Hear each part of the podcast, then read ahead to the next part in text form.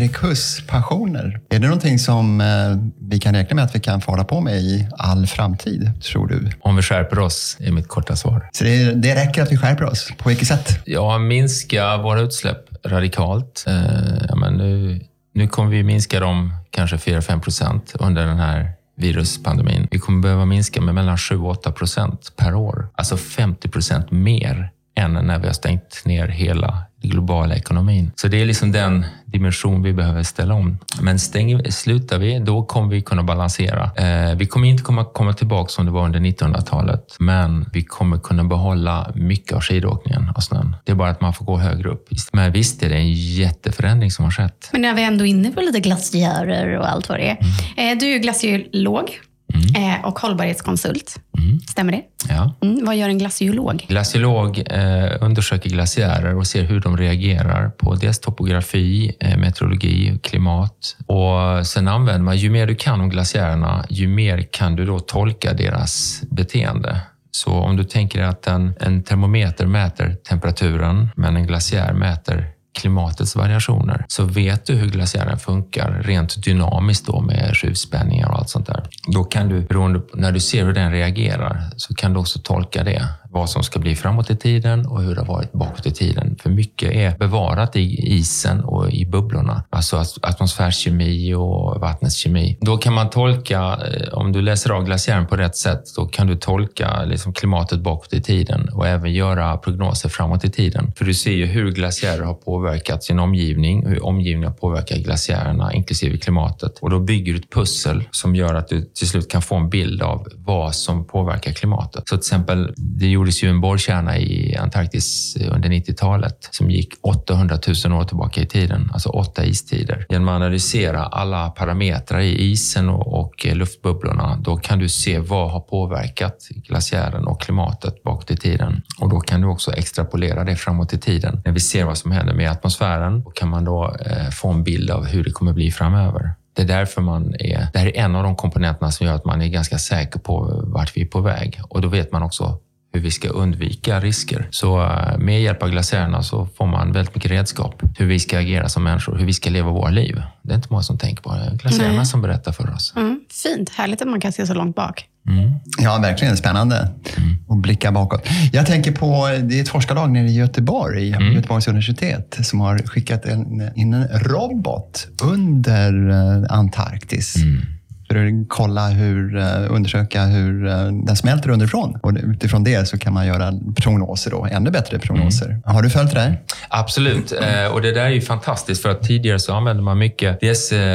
glaciologiska studier av strömmarna, massbalans och tillväxten av snö på Antarktis, främst i Östantarktis. Och via satellitbilder så har man kunnat se att stora delar av Antarktis har faktiskt växt under de senaste decennierna. Om man ser på satellitbilder. Och det är för att det blir varmare i havet och varm luft innehåller mer luft, mer fukt och när fukten kommer in över en kall kontinent, ja då vet vi alla att det fryser, blir snö och så ackumuleras mer snö. Och då har många tolkat som att Antarktis växer. Men om man då ser på shelfisarna, eh, hur de har minskat, då har de minskat radikalt mycket snabbare. Och Antarktis växer ju med snö som kommer ovanpå och smälter och försvinner. Alltså eh, negativa massbalansen är ju då eh, eh shelfisar som flyter ut i havet och smälter när de kalvar. Och det är den här balansen då. Och då visar det sig att den här smältningen har varit mycket kraftigare så Antarktis har förlorat 127 miljarder ton netto per år, alltså i massa. Och det är ingen tillväxt. Och det är för att man har kunnat studera de här shelfisarna. Och den här studien i Göteborg raffinerar det här mycket mer. Så man ser att is, varmt vatten kommer in under isen och liksom smörjer, i, smörjer isströmmarna så de går mycket snabbare och då smälter det snabbare också. Så just Västantarktis är mer känsligt för det. det är, mycket av den isen ligger under havsytenivån. Den är mycket känsligare än Östantarktis som ligger mer på fast mark mark över eh, havsytenivån. Så det är ju den interna dynamiken i Antarktis som, är, som man studerar väldigt mycket nu. För det som händer i Antarktis påverkar hela världen. Mm. Jag tror att det finns en risk att eh, Antarktis kan, eh, kanske inte smälta helt och hållet, men att den påskyndas, smältningen. Oh ja, och, och det... Effekterna av det, det är ju, mm. de är ganska dramatiska. Det är dramatiska. Jag menar bara Thwaites Ice Stream till exempel, det är ju flera meters höjning. Så att man, man bevakar det här allt mer och man har sett att det, det smälter tio gånger snabbare nu än för 20 år sedan. En del av de här stora strömmarna och det här är ju en indikation som man inte kan blunda för. Och det är långsamma processer. Jag menar, den snö som faller i mitten på Antarktis nu, den kommer ju fram liksom i havet om ytterligare en istid, alltså om 100 000 år.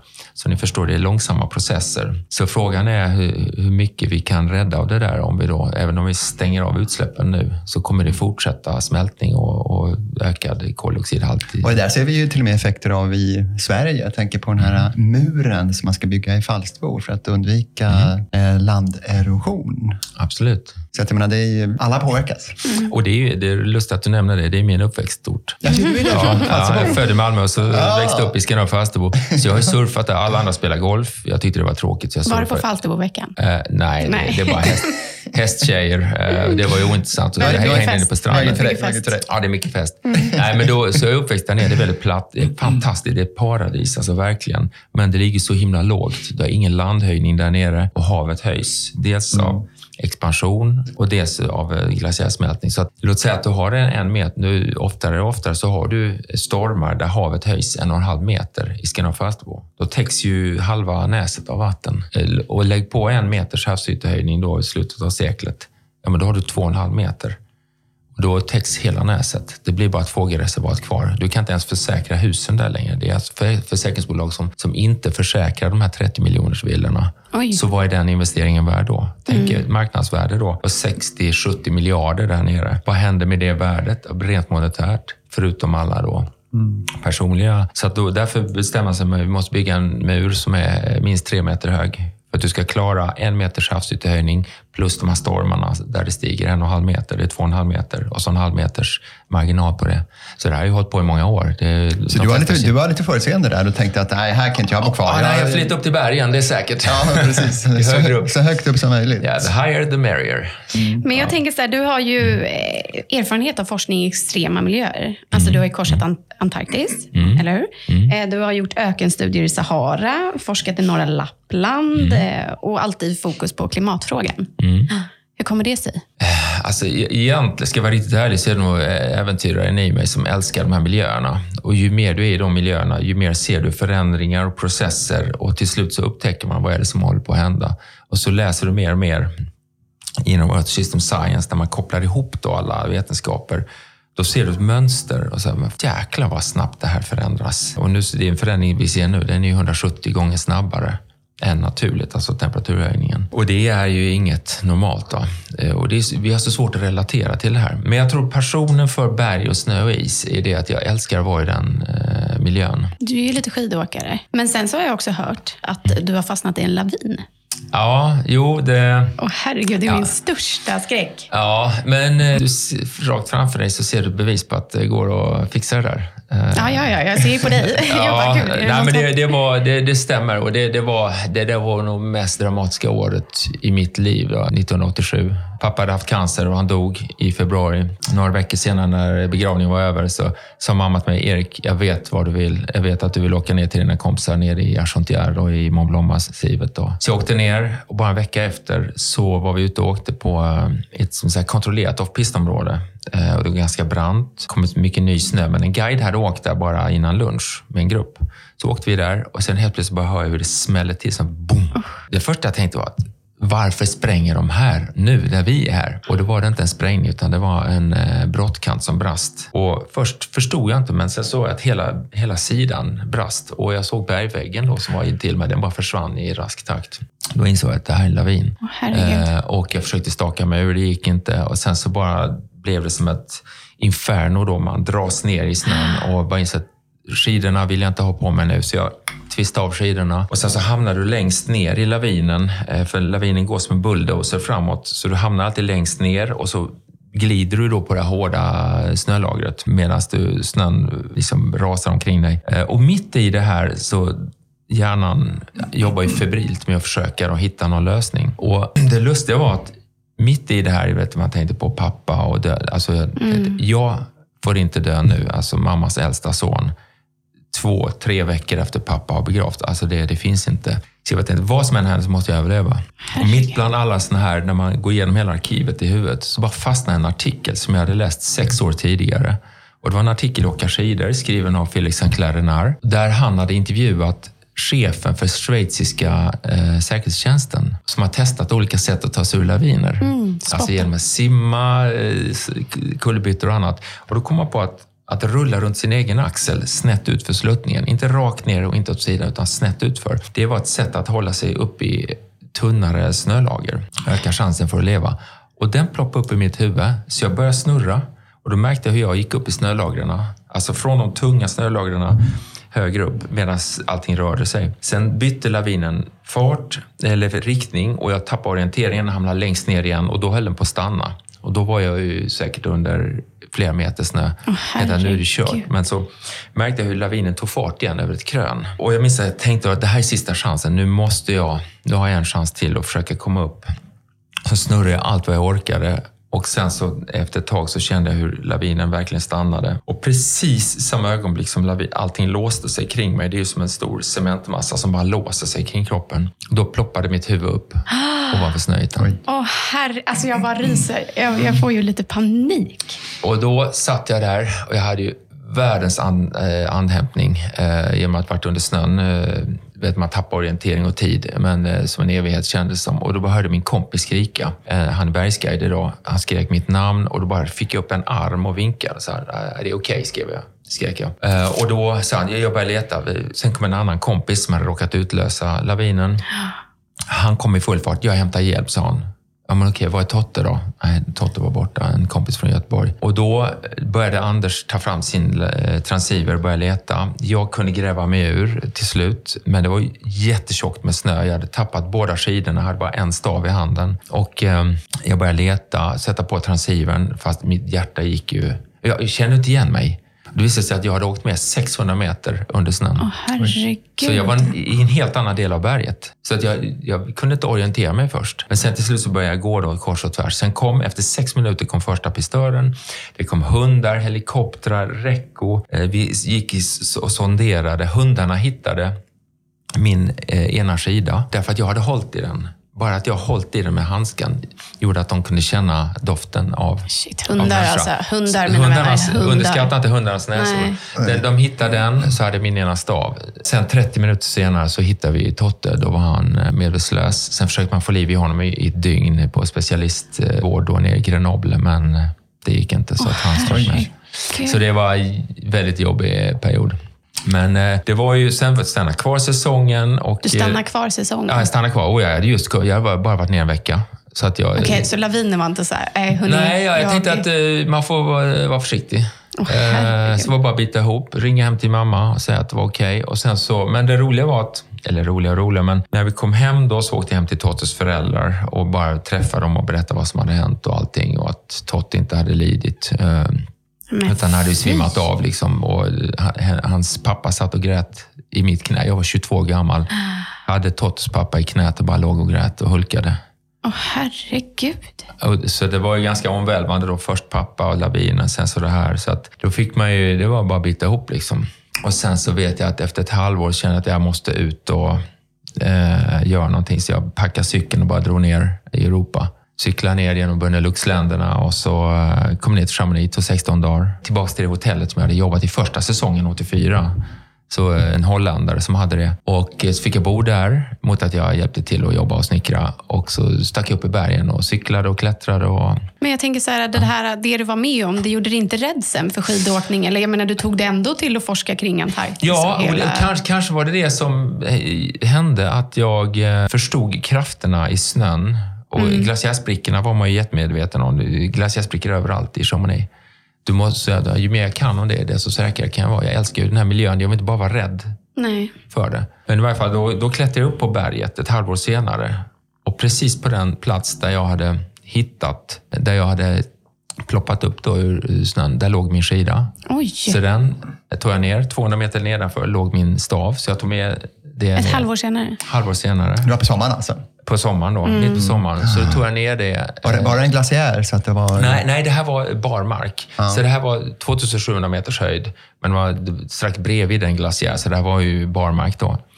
Men då kunde jag liksom sätta ihop, den andra sidan fanns i hotellet, satte ihop dem, tog bort rost, smörjde bindningarna, kunde åka skidor på dem nästa säsong. Andra staven hade jag hemma i Sverige. Så den här staven satte jag på cykeln och cyklade hem via Italien och sen hem till Sverige.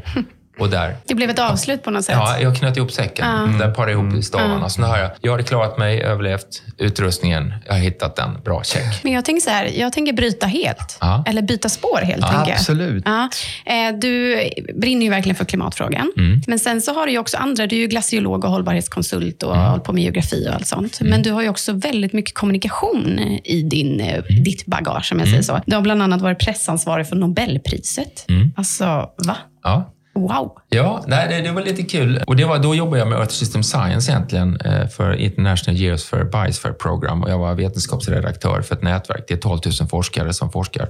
Knyter ihop allt det här. Då satt jag i Kungliga Vetenskapsakademins hus, i tornet där. Och då vet jag att de ville införa en ny tjänst som, eh, som presschef eller pressansvarig för Kungliga Vetenskapsakademin, bland annat Nobelprisen i fysik, kemi och ekonomi. Och då hade de snappat upp mig i huset och det blev en internrekrytering i huset och intervjuade mig och så hittade vi varann. Och så det var en ny tjänst. Det var en som hade haft tjänsten tre månader, men det var ingen... eh, ah, han gick vidare, det var inte rätt person. Och så hittade vi varann och så fick jag det jobbet. Och det är faktiskt det jobb jag haft längst. Jag har jobbat fem år på samma ställe. Men det var för att vi, det var ett fantastiskt dream team. Eh, Annika Moberg som nu jobbar för Sveriges Unga Akademi och eh, Fredrik All som sedermera blev eh, kommunikationsansvarig för Vetenskapsakademin. Så det, det var ett dream team som var så himla roligt att jobba med. Vad vi än gjorde, hur jobbigt det än var, så hade vi kul. Och att ha kul, och att, att ha kul tolerera misstag. Att man gör missar. Okej, okay, väljer skämshörnet. Kom tillbaka nu. Ja, Ingen men fara. misstag måste man göra med kommunikation. Ja, och när man gör misstag, då lär man sig saker. Absolut. Den som inte gör missar och inte vågar lär sig ingenting. Nej. Så det handlar om att gå utanför komfortzonen. Plus att det var som att jobba i en levande encyklopedia. Alltså, tänk de vassaste forskarna inom Mm. alla forskningsdiscipliner. Medicin, eh, samhällsvetenskap, geologi, whatever. Du hade dem där. Så det, det innebär alltså att du mötte de här Nobelpristagarna? Mm, oh ja, varje år. Jag har jä- jättemycket med dem att göra. Är det någon av de här pristagarna som har liksom gett ett särskilt minne? Ja, Ja, det är mycket det, det här japanska. Koyabashi, Venkatrama Ramakrishnan, en, eh, en från början indisk eh, kemiforskare som eh, var verksam i tror jag, Oxford eller Cambridge. Och han sa, när vi satt och pratade så här, han var väldigt så här, normal om man säger så. Ja, jag Inte fattar så- vad du menar. Man gömmer sig, inte, som- ja, eller gömmer sig bakom Ja. sin eh, titel. Nej, nej, och- det han sa, så många sa, men hur kommer du på alla de här smarta lösningarna? Coffee breaks, sa han. Va? Mm. Ja, men när du sitter i labbet, du, så, du, har, du har så smalt fokus när du sitter och jobbar. När du tar en coffee break, då öppnar hela sinnet upp sig. Och det är då du kommer på de här nya idéerna och lösningarna. Och att göra misstag. Är det därför du tar så mycket kaffebreaks, Palle? Coffee breaks Precis, is här kom det. Här kom det. verkligen. Jättebra förklaring tycker jag. Ja, och sen, sen så Paul Krugman naturligtvis, eh, ekonomipristagare. Eh, han var ju världskänd och han är ju krönikör i New York Times, så följ gärna honom. Alltså om det är någon som kan analysera ekonomiska situationer så är Paul Krugman. Och han häcklar också den här galningen i Vita huset. Det är underbart. Ja, galningen. Sånt, sånt, Ja, gillar, sånt nummer- gillar vi. Sånt gillar vi Får inte säga nummer, nummer 45, säger jag. Nej. Inte namnet. Nummer Idioten. 45. Nej, behövs inte. Ja. Och, så att han är enormt skarp. Eh, Och han, vi fick ju en egen presskonferens bara med honom. Sen föreställer jag mig också att det är lite speciellt om det är en svensk eh, Nobelpristagare. Och det var det ju för inte så länge sedan. En kemist Mm. som hade sin skolning åtminstone här i Sverige, jag tror det var Stockholms universitet, men som har jobbat i Storbritannien under lång tid. Jag minns inte namnet. Gör Nej, det, det, var efter, det kanske var efter din Det tid. var efter min tid. Ja. Och när man släppte det, då var jag helt inne i den här kommersiella yttrandefrihetens värld när jag jobbade på Sveriges annonsörer. Så då, då pausade jag lite grann med den här veten. Då försökte jag lära mig hur funkar näringslivet. Så då blev jag lite grann blind för eh, det vetenskapliga, för jag hade så otroligt mycket att sätta mig in i. Reklam, marknadsföring, ekonomi, företagskulturer, um, helt annan värld. Alltså komma från vetenskapsvärlden som jag har jobbat i många år, kom, via kommunikation till näringslivet. Alltså en helt annan värdering, helt annan. Och jätteintressant lärdom. Men jag såg ju också hur otroligt ohållbart folk tänkte. De förstod inte vad planetens gränser handlar om. Nej, men det här blir ju en väldigt fin övergång Mm. till Tre snabba. Är Ah. du beredd? Marcus. Puder. Och lycka. Opera. Vackert. Greta. Mod. Då kör vi antingen eller. Skidåkning eller hike. Skidåkning. Godis eller chips. Godis. Glamping eller tälta. Eh, Tälta. Snyggt. Ja, det var ju, nu när man intervjuat dig ett tag så förstod jag nästan. Men eh, du är alltså mer för det söta än det su- eh, salta. Mm, jag gillar söta saker. Nej, men jag, jag, det, det är en av mina laster. Eh, att jag älskar ju att träna och hålla på och hålla mig i form. Även om nu den här pausen i vardagen gör att man sitter mer än aldrig. Men eh, det värsta med mig är att jag älskar allt och mycket. Samtidigt som jag förespråkar måttfullhet till alla mina kunder. Så jag är verkligen eh, dåligt föredöme. Ser mig som ett varnande exempel. Ja, Men- jag, jag har svårt att sätta en godisskål framför mig så är den slut. Det är slut. Mm. Jag är den här jobbiga som eh, tar en tugga av godisar och lägger tillbaka. Ah. För att om de är stora, då blir jag ju mätt på en. Jag vill ju Ja. alla smaker, så jag kan ju ta en hallon, en lakrits. Ja, dela inte godisskål Är med du en mig. double dippare också? Eh, nej, där går gränsen. där går Vad har du gränsen. för strategi då när det gäller en Aladdin-ask?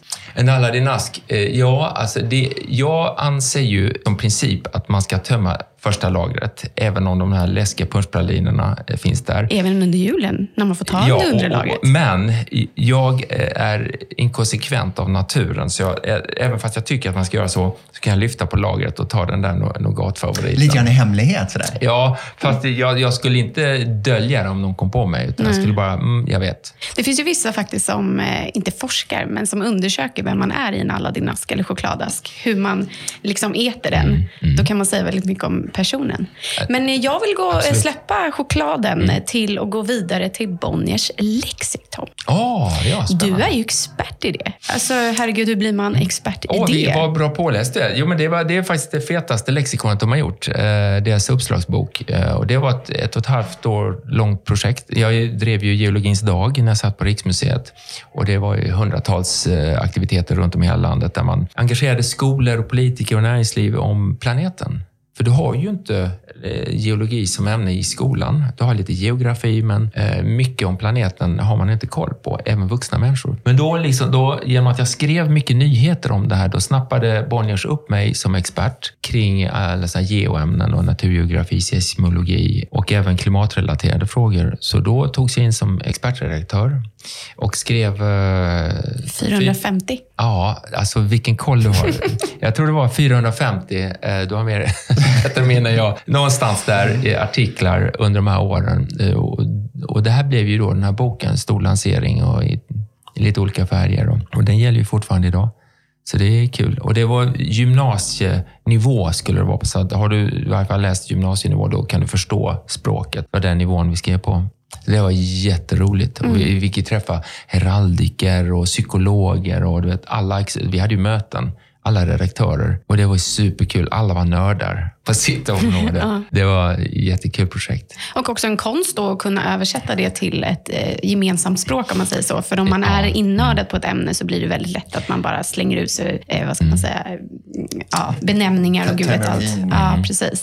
Jag menar, Ulrika Juncker och Anne, Anne Svar, eh, vad heter hon? Anne, ja, det var, de- redaktörerna var väldigt duktiga på att få oss att förstå. Ni måste ha det här filtret, gemensamma filtret, oavsett vad ni skriver om. Sen när man skriver om geologiska tidsordovisium, silur och kambrium och mesozoikum, då måste du ha ett anslag som gör att, man, att det blir begripligt. Varför skriver vi om det här? Men det är faktiskt lite grann, det här tangerar ju den organisation som vi kommer ifrån, Naturvetarna. Just det. Vi ger ut en tidning som heter Naturvetaren. Mm.